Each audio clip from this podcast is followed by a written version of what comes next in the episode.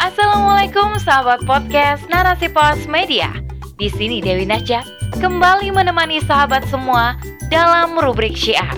Kali ini dengan judul Said bin Amir Al-Jumahi, gubernur yang takut kepada fitnah dunia oleh Mariah Zawawi. Seandainya dunia itu di sisi Allah sebanding dengan sayap nyamuk, tentu Allah tidak akan mau memberi orang-orang kafir walaupun hanya seteguk air. Hadis riwayat Tirmizi.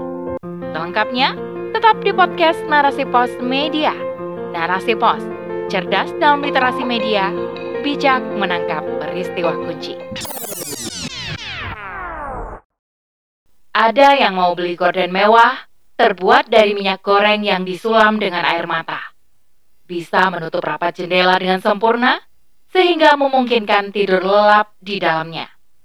Muhammad Fauzil Azim Entah berniat menyindir atau tidak, tetapi ungkapan ini sangat sesuai dengan perilaku wakil rakyat di negeri ini.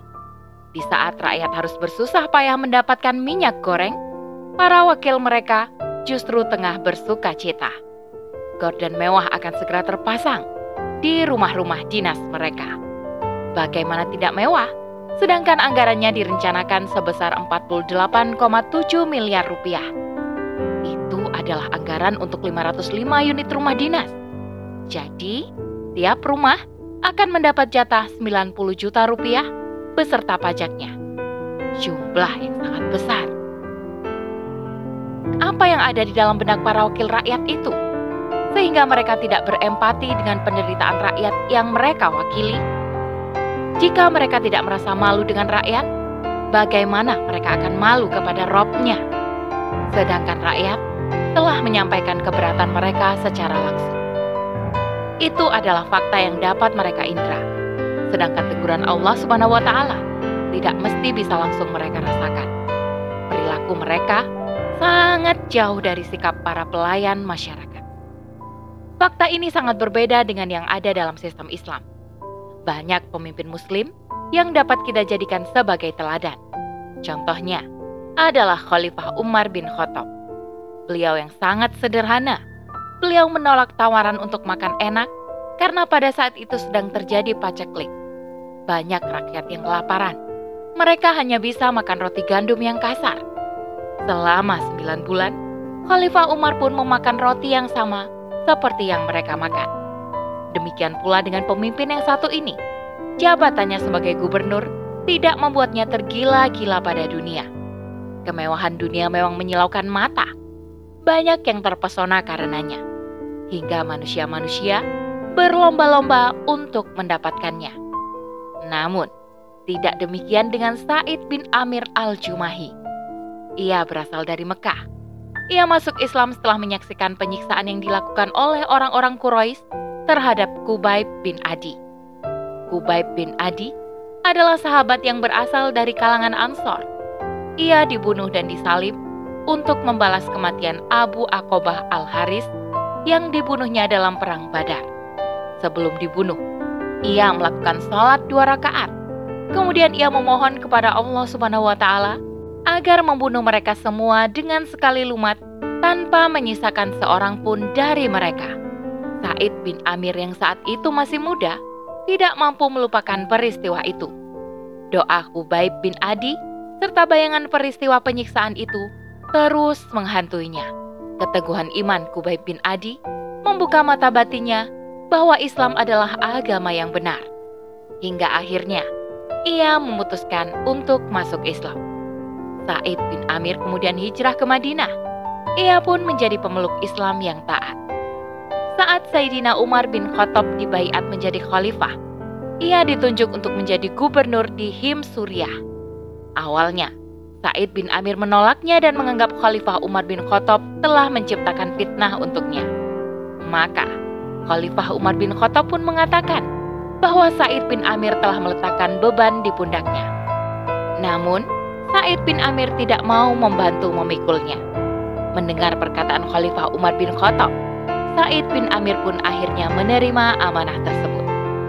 Suatu hari, datanglah utusan dari Hims yang menyampaikan daftar orang-orang fakir di kota tersebut. Setelah membacanya, Khalifah Umar bin Khattab mendapati ada nama Said bin Amir di dalam daftar tersebut. Ia pun bertanya kepada utusan tersebut, siapakah Said bin Amir itu? Setelah dijawab bahwa itu adalah gubernur Hims, Khalifah Umar bin Khattab pun menangis. Maka ia mengirimkan seribu dinar untuk Said bin Amir agar dapat digunakan untuk memenuhi kebutuhan keluarganya. Ketika Said bin Amir menerima uang itu, ia justru menganggapnya sebagai musibah yang lebih besar daripada meninggalnya khalifah atau diserangnya kaum muslimin. Ia menganggap bahwa dunia telah menggodanya untuk menghancurkan akhiratnya. Maka, ia pun membagikan dinar-dinar itu ke orang-orang fakir. Said bin Amir tetap dalam kesederhanaannya. Meskipun menjadi gubernur, ia tidak memiliki pembantu. Ia sendiri yang memasak roti untuk keluarganya ia hanya memiliki satu buah pakaian untuk keluar rumah, dan pakaian itu dicucinya satu bulan sekali. Saat pakaiannya dicuci, ia pun tidak keluar rumah. Hal ini sempat menimbulkan kekesalan rakyat Hims, hingga mereka mengadukan hal itu kepada Khalifah Umar bin Khattab. Namun, setelah Said bin Amir menjelaskan masalahnya, masyarakat pun bisa menerimanya. Maka, Khalifah Umar bin Khattab kembali memberi seribu dinar kepada Said bin Amir untuk memenuhi kebutuhannya.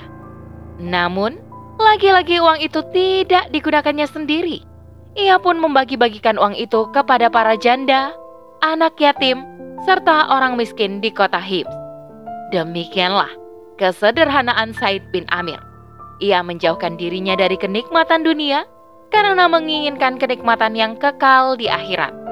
Kesederhanaan itu tentu tak lepas dari keyakinan terhadap ajaran Islam keyakinan bahwa kenikmatan di dunia ini tidak sebanding dengan kenikmatan di akhirat. Karena itulah ia tidak mau terperdaya. Ada banyak ayat dan hadis yang menyatakan hal ini. Misalnya dalam surah Al-A'la ayat 17. Allah Subhanahu wa taala berfirman, "Wal akhiratu khairu wa abqah."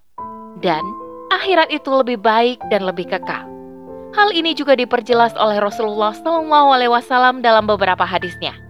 Dalam hadis riwayat Imam Muslim disebutkan bahwa Rasulullah SAW bersabda, Demi Allah, tidaklah dunia dibandingkan dengan akhirat kecuali seperti apa yang dibawa oleh jari yang kalian celup.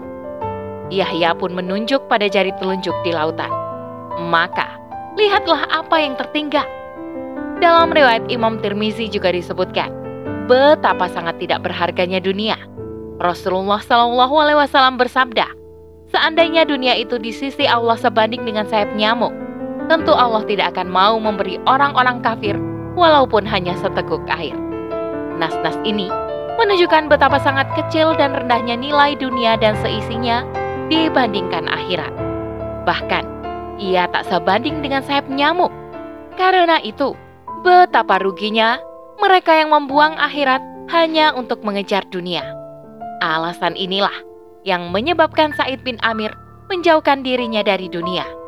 Semestinya, sikap seperti ini pula yang harus dimiliki oleh para pejabat di negeri ini, yakni berhati-hati dengan fitnah dunia. Sebab, saat mereka menjabat, dunia akan senantiasa menggoda dan merayu mereka. Jika mereka tidak mampu menjauhinya, penyesalan yang besarlah yang akan mereka rasakan. Wallahu a'lam bishawab. Demikian rubrik syiar kali ini. Sampai bertemu dalam rubrik syiar selanjutnya. Saya Dewi Nasya kundur diri. Wassalamualaikum warahmatullahi wabarakatuh.